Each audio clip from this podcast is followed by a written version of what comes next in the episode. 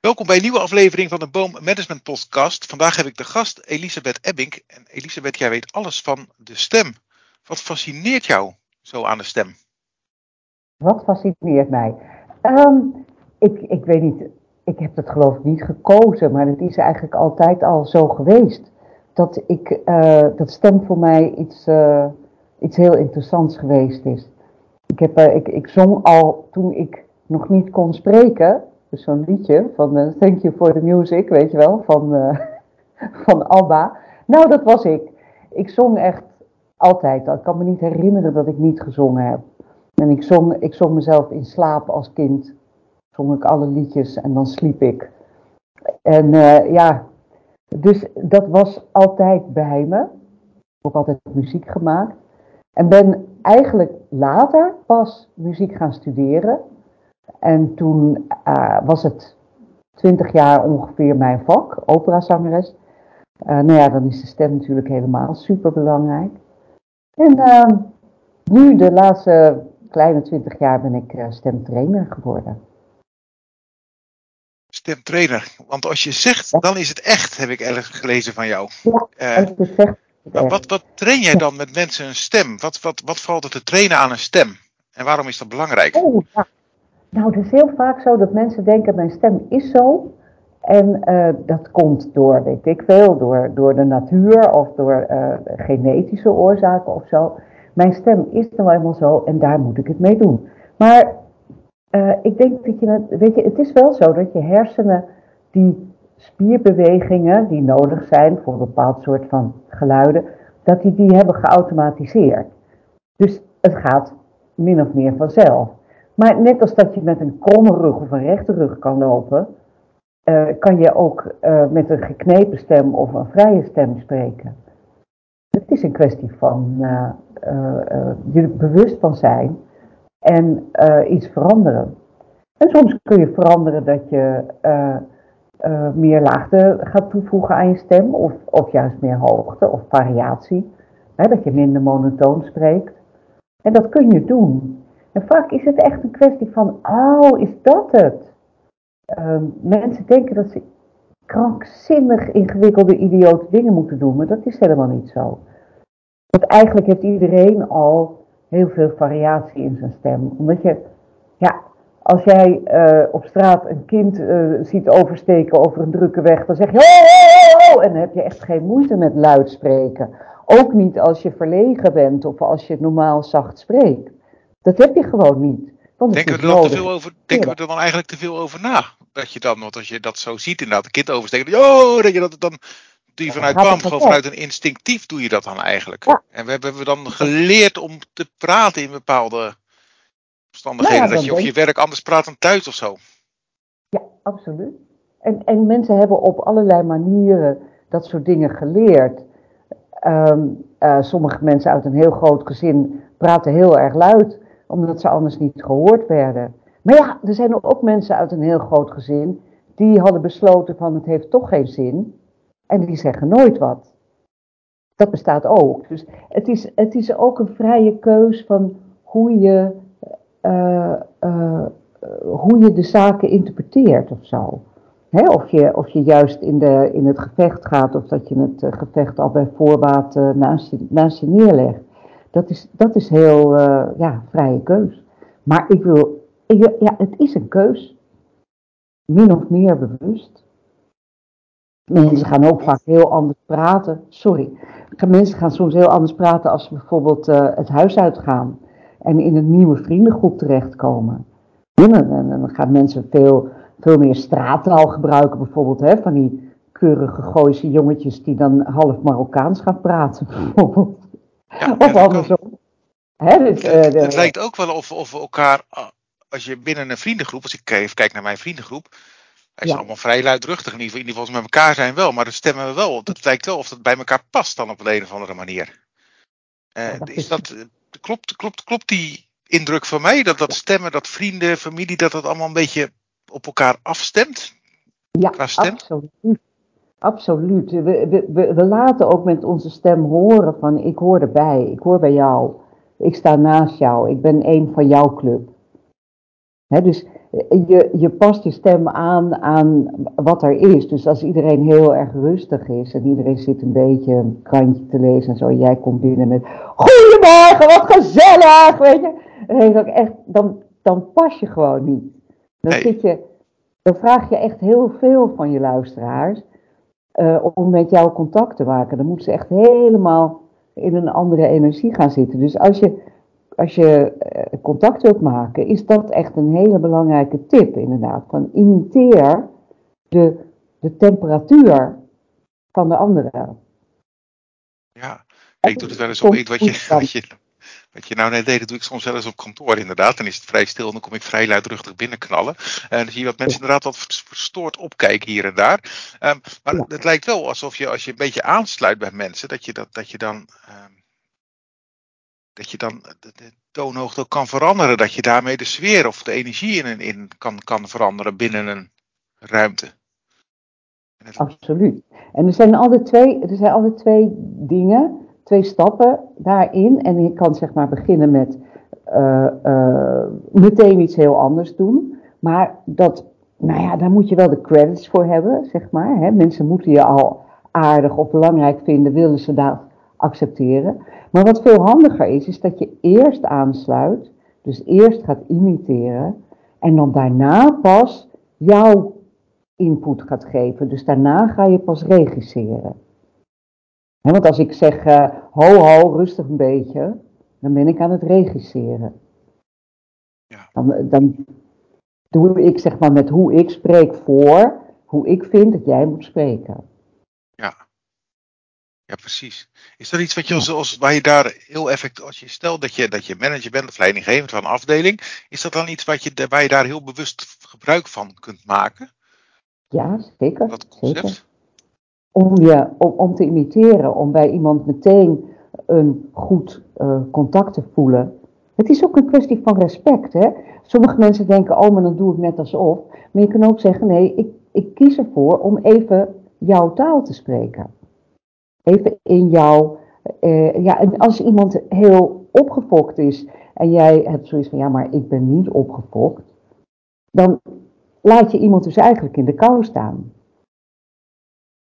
Snap je? Dus het is echt, het is ook een, een, keuze voor ik respecteer de ander zijn uh, uh, stemming. Ja. ja, precies. Want er zit ook wel, ook wel, ook lading aan volume en intonatie. En, dus als jij heel hard praat, dan vinden mensen vaak van dat, nee, dat vinden we schreeuwerig. Oh, doe even rustig, man. Denk je dat als iemand tegen mij is dat heel hard staat te praten? Ja, maar, maar ja, weet je, als iemand een uh, verslag van een voetbalwedstrijd inspreekt en die zegt hij pakt de bal, hij loopt, hij rent, oh hij rent, hij past, hij past, ja hij past. Oh kijk, het schot, daar komt het schot, hij, hij scoort. Ja, dat is wel een beetje saai. Ja, dat, geloven we niet. Dat is, dat is het geen, uh, geen power in en geen, oh, oh jee, oh god, het gaat lukken, ja, ja, ja. He, dat moet, daar, moet, uh, daar moet dat volume bij. Dat vinden we leuk. Daar worden we aangestoken. Dus ja, is... afhankelijk. Natuurlijk. Natuurlijk, maar dat is alles. En mensen zijn vaak geneigd om dat dan van, ik heb een harde stem, maar zoals jij zegt van, ik praat hard met mijn vrienden. Hè, dat doen we gewoon gezellig met z'n allen.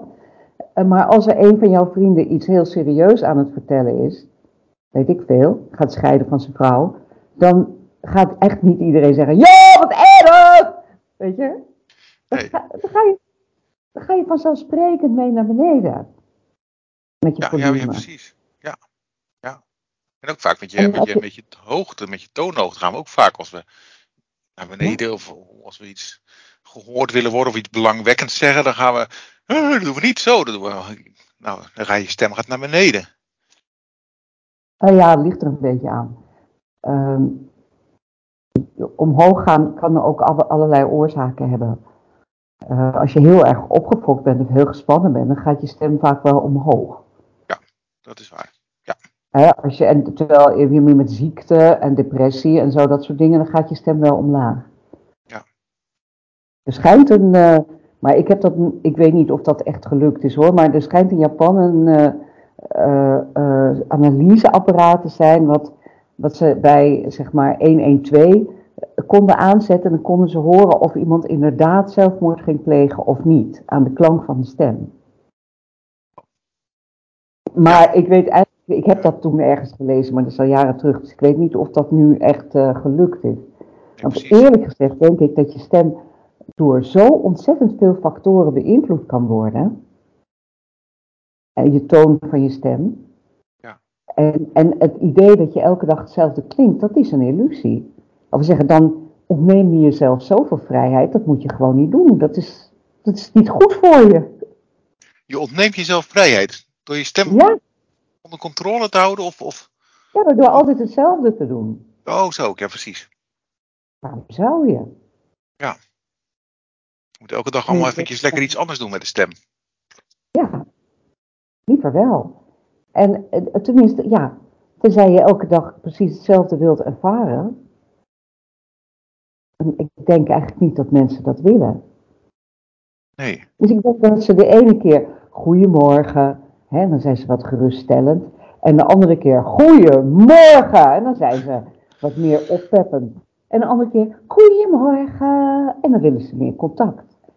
En je hoort het direct. Ja. En het, is geen, het is geen geheime kennis of zo die ik vertel. Want jij hoort direct wat ik bedoel. Ja, je hoort het direct, ja. Dat is een soort instinctief dat je dat, dat, je dat hoort. Ja. Maar het is ook wel taalgebonden, denk ik. Want wat ik hoorde net toevallig weer, in, in, uh, was een reportage uit, uit China. Uh, wat daar van alles aan de hand op televisie. Dat, dat die taal versta ik niet. En ik hoor, kan niet horen aan de intonatie van wat er nou precies is. Misschien dat het hele extreme gevoelens van angst of verdriet heel erg, dan, dan misschien wel. Maar als ik dan iemand over praten, dan ik kan er geen chocola van maken. Van, van wat ze dan bedoelen. Wat, wat, was het voor, uh, wat, wat, waar had die spreker het over? Ja, het ging over die coronamaatregelen, dat, ze, dat dat versoepeld zou worden. En dan kon ik de ondertiteling lezen. Was een, uh, dit was een uh, official. Nee, er waren ook mensen op straat, maar ik kon er, ik kon er, niks, ik kon er niks van maken. Van wat, of ze nou blij waren dat dat gebeurde of juist niet. Of, ik kon er gewoon niks van oh. maken. Dus dit, dit, mijn vraag is eigenlijk, is, is, is taal, is dat ook gekoppeld aan stemgebruik en wat dan de betekenis daarvan, die we dan, die we dan aan, aan de boodschap geven? Heeft dat invloed op elkaar? Ik denk het wel, maar ik ben natuurlijk geen expert over, over ik ben een expert in Nederlands, zullen we zeggen. Ja, precies. en dan nog, en dan nog uh, uh, want het maakt, het maakt natuurlijk heel veel uit. Uh, ik bedoel, in dat kleine Nederlandje van ons heb je ook al zoveel contrasten. Want Noord-Hollanders, Hè, Noord-Hollanders, nou ja, die zijn eigenlijk vaak wat meer, nou, hè, wat meer uh, outgoing en wat luider. Ik weet niet, misschien moeten ze over die grote groene grasvelden heen gillen. Zoiets. Terwijl, als je het dan hebt over Brabanders, die klinken vaak een beetje zo. Die zijn een beetje heeser en een beetje zachter. En die, die eindigen ook vaak uh, hoog aan het einde van de zin. En dus die maken uh, een heel andere sfeerindruk. Snap je? En dat is alleen al in Nederland. Ja. Er is maar 100 kilometer tussen. Moet je China nemen. Dat is een werelddeel. Ja, ja er zit, zit, een stukje tussen, inderdaad. Ja, en bovendien, China heeft een uh, toontaal. Hè? Ik weet niet of je dat weet. Maar dat er uh, verschillende, dus één lettergreep op verschillende manieren uitgesproken. Dus, uh, of, dat, dat maakt verschillende betekenissen. Ja. Dus zij moeten ook nog op die tonen letten. Ja, ja, precies. Kan ook wel weer uitmaken hoe ze spreken. Het is overigens ook zo, vind ik wel grappig uh, weetje, dat uh, uh, 25% van de mensen in China die uh, hebben een absoluut gehoor. Oh? Dat, dat betekent dat je een toon kan horen, toch? Van de, de zegt een C, dan kan, kan je dat precies horen. Ja. Ja, wij zeggen, oh, dit is een B en dit is een best. Uh, en, en dat horen ze, en dat is 25 procent. Bij ons is het echt, weet ik veel, 1 procent of 0,1 procent, ik weet het eigenlijk niet, maar een stuk minder. En het schijnt dat uh, pasgeboren baby's een absoluut, absoluut gehoor hebben. En daar, daarmee dus heel goed kunnen horen hoe ze moeten huilen om de beste reactie van hun verzorgers te krijgen. Maar dat ze na een week of zoiets verliezen ze dat weer. Heb ja, ik, ja, tenzij je dat blijft oefenen of zo, met, uh, denk ik dan. Het zou kunnen, maar het is dus voor, voor uh, Nederlandse, West-Europese sprekers niet zo essentieel dat ze het moeten behouden. Nee, nee, precies. Nee, blijkbaar niet. Meer. Ja, ja. Ik weet het ook niet. Maar het is, inderdaad, het is allemaal, het is ongelooflijk interessant allemaal, vind ik. Ja, dat is het ook. En ik, ik lees, lees, ook in jouw boek dat je, dat je, kan, je kan beïnvloeden. En dan heb je een stemdimensie en dan gaat het van hoog, hoog en laag. En dan zitten positieve krachten aan hoog spreken en lage en negatieve krachten. En met laag is dat precies hetzelfde. Ja, Kan je uitleggen wat je daarmee bedoelt?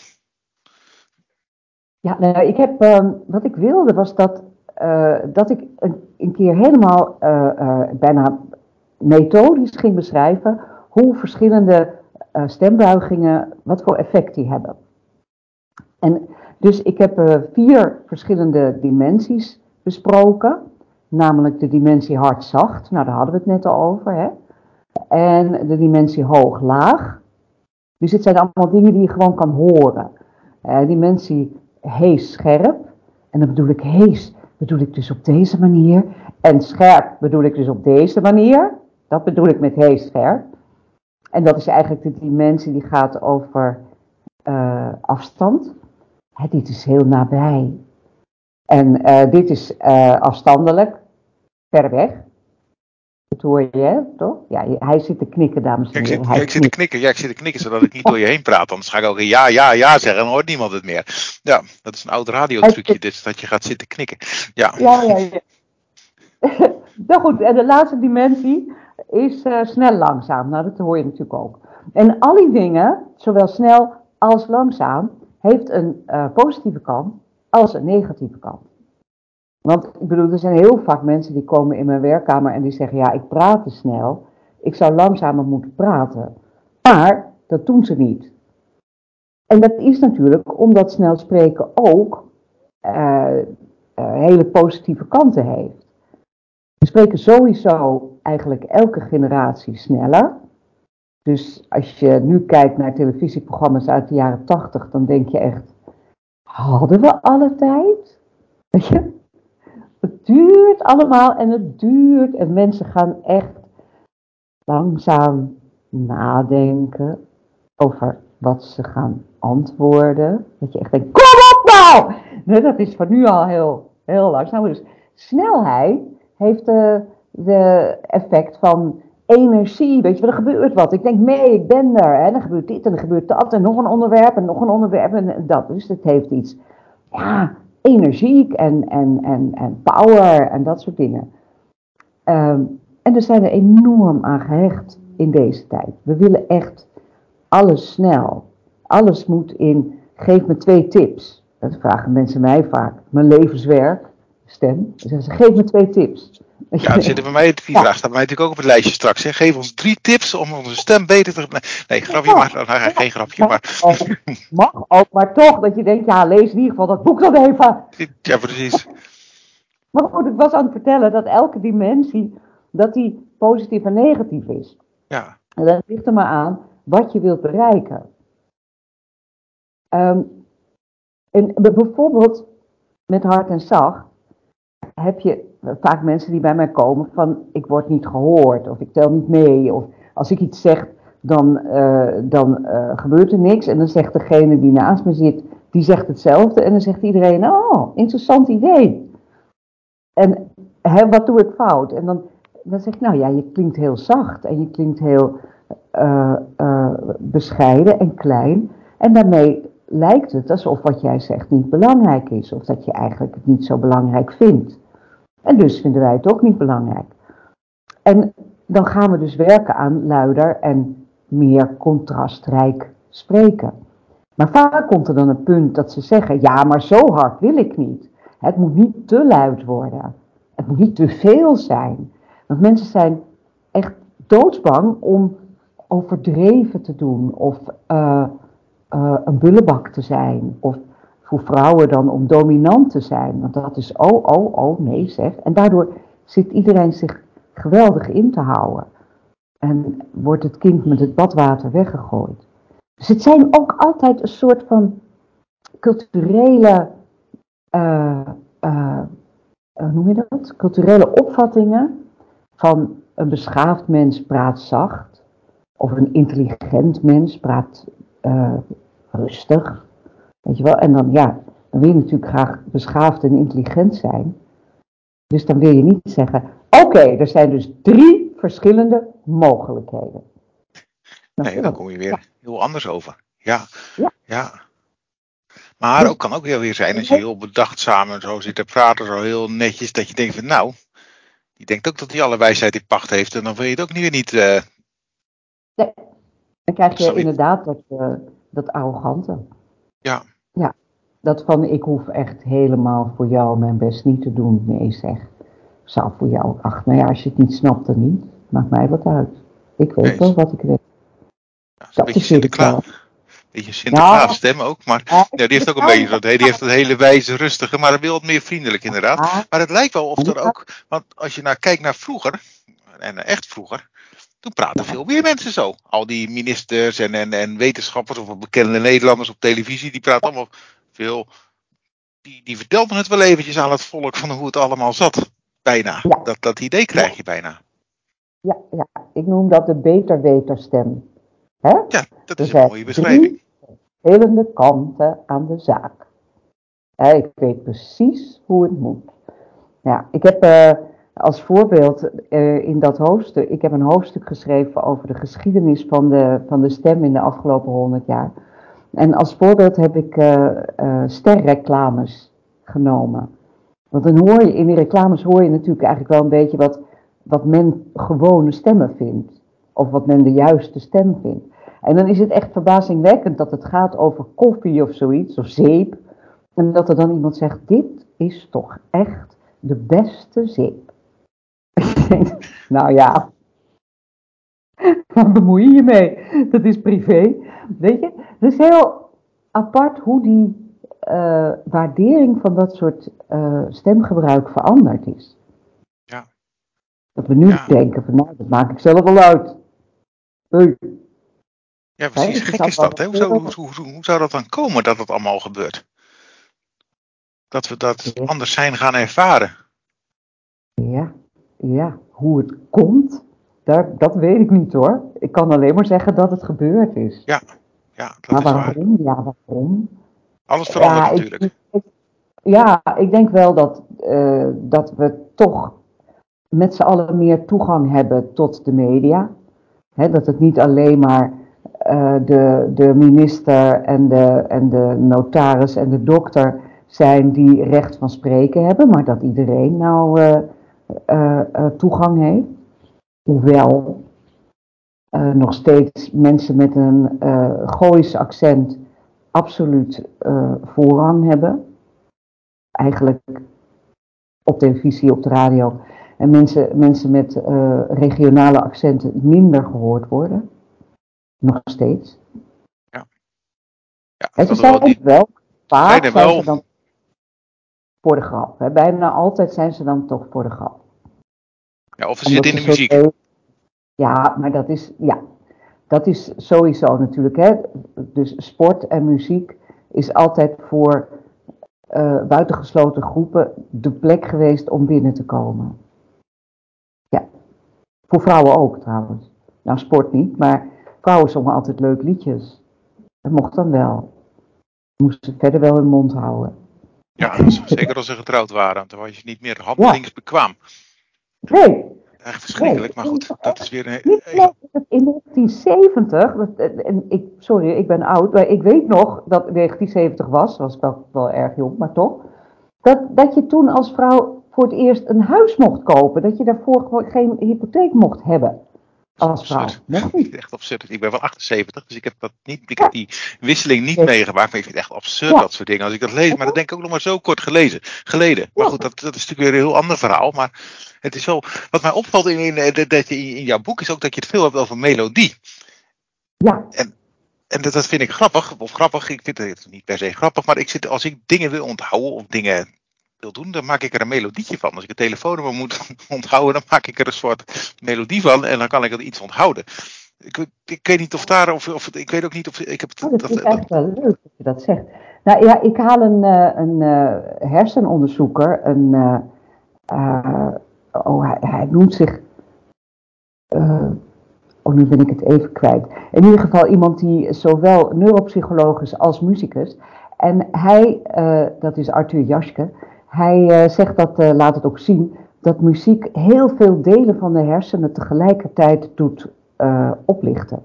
Dus muziek en geluid en zang en zo maken veel, van veel plekken in je hersenen gebruik. En dus is het ook vrij logisch dat als jij zo'n melodietje maakt, dat je het dan goed kan onthouden. Want er is veel in beweging gebracht. In plaats van dat je alleen maar een heel klein stukje visueel in beweging brengt. En ik denk ook dat we daarom als vroeger uh, dingen ook moesten opdreunen om iets uit je hoofd te leren.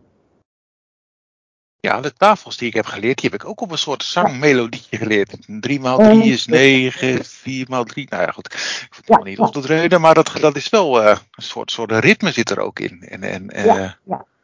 ja, ritme en toon integreert. Ja. Het is ook zo dat als kinderen zangles krijgen of muziekles krijgen, dat ze, ik, ik hoorde over een uh, onderzoek over, ik geloof, 15 jaar in Engeland. Uh, alles wordt beter voor die kinderen, alles. Maar dus hun rekenen, hun taal, maar ook hun humeur, hun sociale contacten. Ik bedoel, uh, zelfs hun hardlopen. Alles wordt beter, maar ze hebben het daarna wel weer afgeschaft, helaas. Ja. Absurd eigenlijk. Ja, het was te duur, hè? het was te duur. Ja. Oh, sorry, ik, uh, ik heb hem nu afgezet. Ja. Ja, het is echt is diep droevig. Ja. Ja, triest is dat, hè? Ja, muziek, muziek, is geweldig. Ja, je kent allemaal die, ook die uh, uh, dementen die daar zo op reageren, op muziek. Dat, dat integrerende van, van toon en ritme en oude liedjes. Uh, mijn vriendin en collega uh, Judith Kamerman, die zangeres is, die werkte, uh, omdat ze geen, gefascineerd was door dementie, werkte ze in de thuiszorg. En toen kwam ze binnen in een huis waar uh, een demente man woonde met zijn echtgenote. En in, echtgenote diep in tranen, want de man was opgestaan, maar wist niet meer hoe hij moest lopen. En als ze hem een duwtje gaf, dan viel hij om. Dus ze kon niks met hem. En Judith die pakt hem vast en die gaat zingen met hem. En die zingt We'll meet again, don't know where, don't know when, but I know we'll meet again some sunny day. En hij danst met haar zo de trap op, keurig naar zijn slaapkamer, niks aan de hand. Ja. Dus het, het, het integreert weer, bijna zonder zonder, zonder het te weten, weet je het toch weer. Ja. Wat ook fascineert, hè? Dit, dit aan mezelf en in dit gesprek. Bij elke vraag die ik wil gaan stellen, ben ik nu van tevoren aan het nadenken over welke toon moet ik dat nou gaan doen? Welke snelheid, klankkleur, alles komt in mijn hoofd, gaat nu samen van hoe moet ik. Dat is best ingewikkeld. Ik, als je er heel erg over gaat nadenken, dan moet ik misschien maar niet te veel doen. Maar het is wel, als je erover gaat nadenken, dan, dan is het best, best ingewikkeld. Ja, het is ook zo. En um, nou ja, ik heb, ik heb natuurlijk alles uit elkaar geplozen in dat boek. Want ja, als je iets wilt leren, dan zul je het toch ook wel weer moeten analyseren. Maar dat betekent natuurlijk helemaal niet dat je in het dagelijks leven de hele tijd elk momentje van dat soort dingen moet afvragen. Dus waar het mij wel echt om gaat, is dat je je realiseert, wat is mijn bedoeling nou eigenlijk? En dat je, als je dat weet, Hè? Ik wil gezelligheid. Nou, dan, dan uh, ga je lekker omhoog en omlaag, want dat gaat vanzelf. Maar je, je weet, als je gezelligheid wilt, dat je dat kunt bereiken. Er zijn sommige mensen die dat niet kunnen, die zo vastzitten in monotonie, dat ze buitengesloten raken, omdat ze die, zeg maar, die, die gezelligheid niet kunnen vinden. En uh, die help ik om, om, die, uh, om die toon weer te pakken. Snap je? Maar als jou, weet je, er is niks mis. In principe gaat het allemaal goed. En je moet je daar ook niet uh, uh, de hele tijd zorgen over maken. Het is, dat zou afschuwelijk zijn als dat het resultaat is van, van uh, hier naar luisteren. Nee. nee, dat, ik hoop ook niet dat mensen zich gaan zorgen maken. Dat is... Dit is bijvoorbeeld een voorbeeld van hoe ouders met pubers omgaan. Hè? Dus dat je dan zegt, ik stel gewoon een vraag. Kom nou eten. Hè? Ruim nou even je schoenen op. Uh, en, en dat zijn eigenlijk allebei verwijtende melodieën. Ja. En dus is het gewoon, er is dus al iets heel vervelends aan de hand. En dan verwacht je van zo'n puber dat hij zich daarnaar schikt. Ja. Als iemand zegt, ik wil graag dat je je schoenen opruimt. Dan heb je, weet je wel, heb je gewoon een stelling. Dit wil ik graag. En dan kan je zeggen, oké. Maar als je zegt, wanneer ruim je nou je schoenen eens een keertje op? Dan is het veel moeilijker om te zeggen, oké. Ja. Snap je? Want dan krijg je, nou hoezo? Snap je? Want dan zit je eigenlijk, en dat bedoel ik met een melodie. En als je je dat realiseert, dat je de hele tijd verwijtend spreekt. Ja, dat is gewoon mijn mening. Hè, dit vind ik ervan. Ook zo eentje. Als je de hele tijd zo dat, dat uitdagende hebt in je, in je melodie, ja, dan krijg je ook elke keer op je donder. Dan krijg je ook elke keer vervelende mensen om je heen. Ja, ja precies. De toon, waarop je, ja de, je toon waarop je zelf spreekt beïnvloedt de reactie van een ander. Onmiddellijk. Ja, en dat, bedoel, dat bedoelde je net ook met, je moet bewust zijn van wat je wil bereiken. Nee, dat zei je niet letterlijk, maar dat is wel wat je bedoelde volgens mij. Ja, ja. ja dat is ongelooflijk belangrijk. Dat mensen denken bij zichzelf, ik zeg het toch gewoon. Maar als ik zeg van, ik ben Elisabeth Ebbing, dan is het al mis. Ja. Want dan, denk, dan denk jij, nou nou, hoezo, weet je? Dat, uh, wat, uh, wat denk je wel dat je bent of zo, weet ik veel. Terwijl als ik zeg, ik ben Elisabeth Ebbing. Eerst omhoog, dan omlaag. Nou, dan is het gewoon een feit. Ja, ja. Maar dan kan je ook oefenen, dan kan, dan kan je eigenlijk kan je dat gewoon oefenen. Dan kan je voor de spiegel gaan staan en, en jezelf opnemen. Dan kan je precies gaan oefenen met hoe je klinkt en, en wat je doet. Uh. Ja, maar je kunt het toch gewoon uitproberen hoor. Niet eerst oefenen, want heel veel mensen vinden toneelspelen heel moeilijk. Ja, dat is ook je kan het beter gewoon uitproberen. Ja, ik zeg altijd, uitproberen, weet je wel, op plekken waar je nooit meer komt. Dus uh, de benzinepomp of een supermarkt waar je nooit komt, weet je wel. Dat soort plekken. Ja, precies. Dat je als je slaande, dat als je per ongeluk de verkeerde toon hebt getroffen, dat je niet voor eeuwig wordt nagedragen. Ja, ja.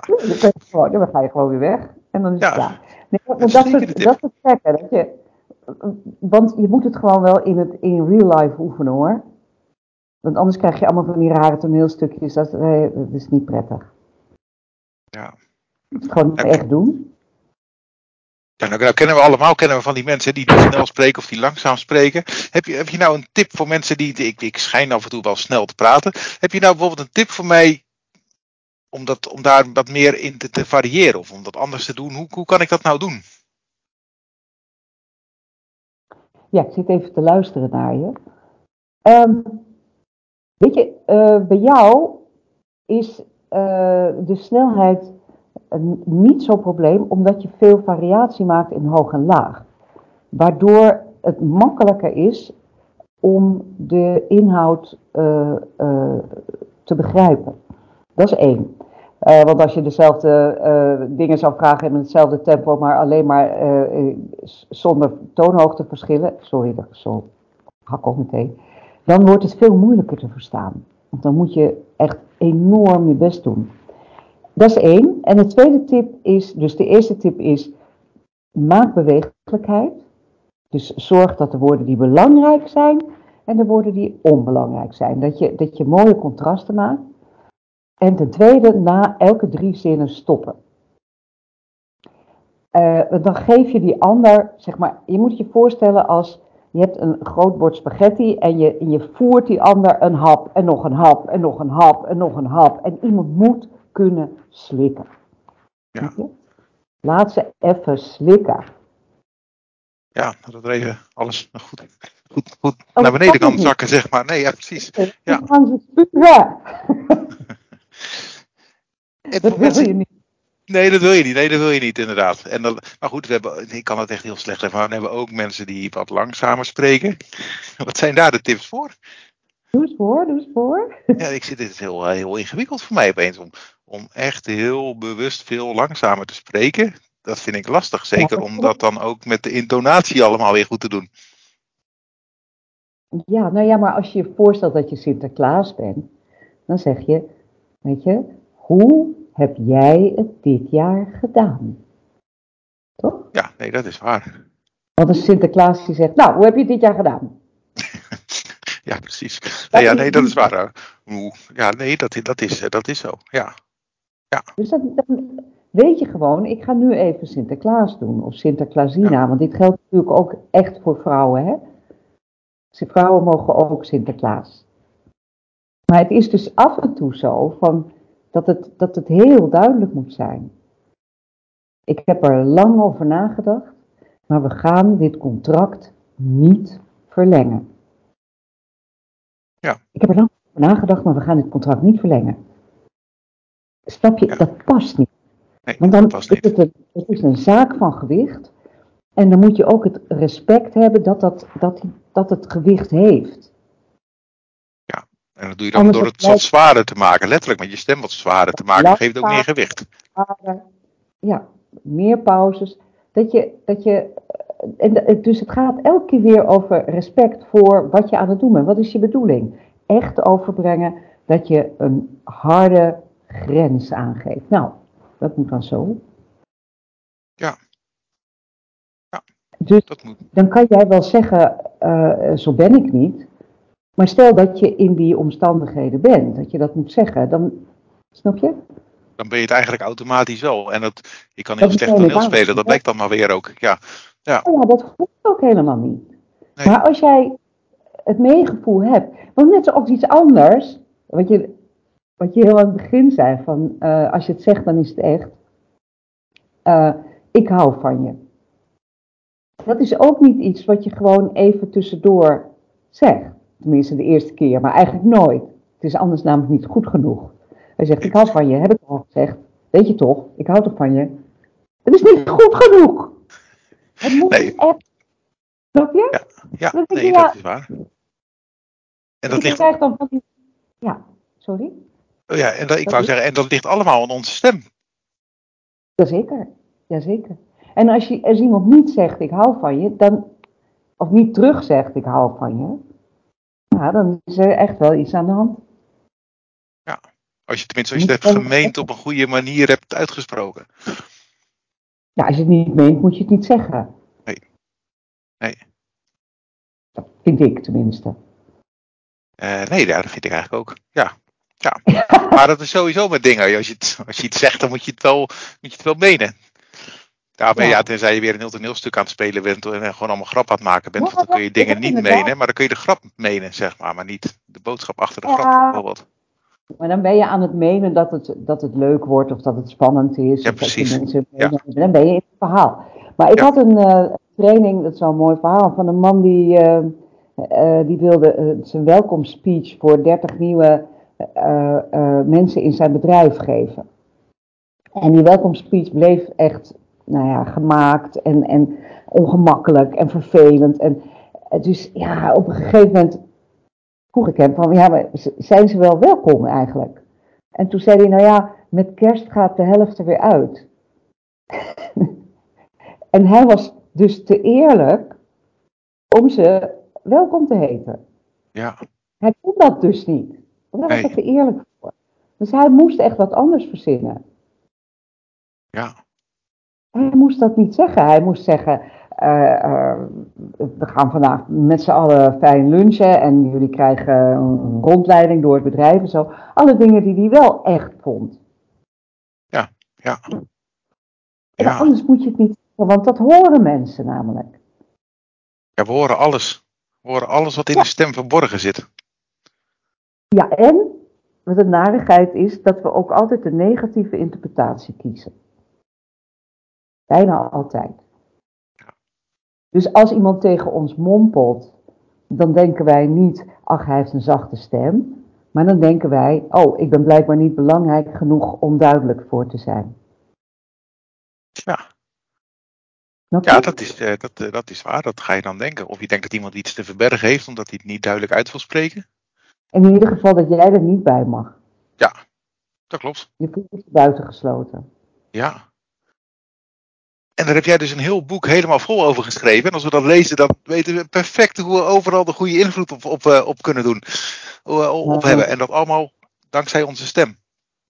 Dan weten we in ieder geval dat we kunnen kiezen. Dan weten we dat we kunnen kiezen.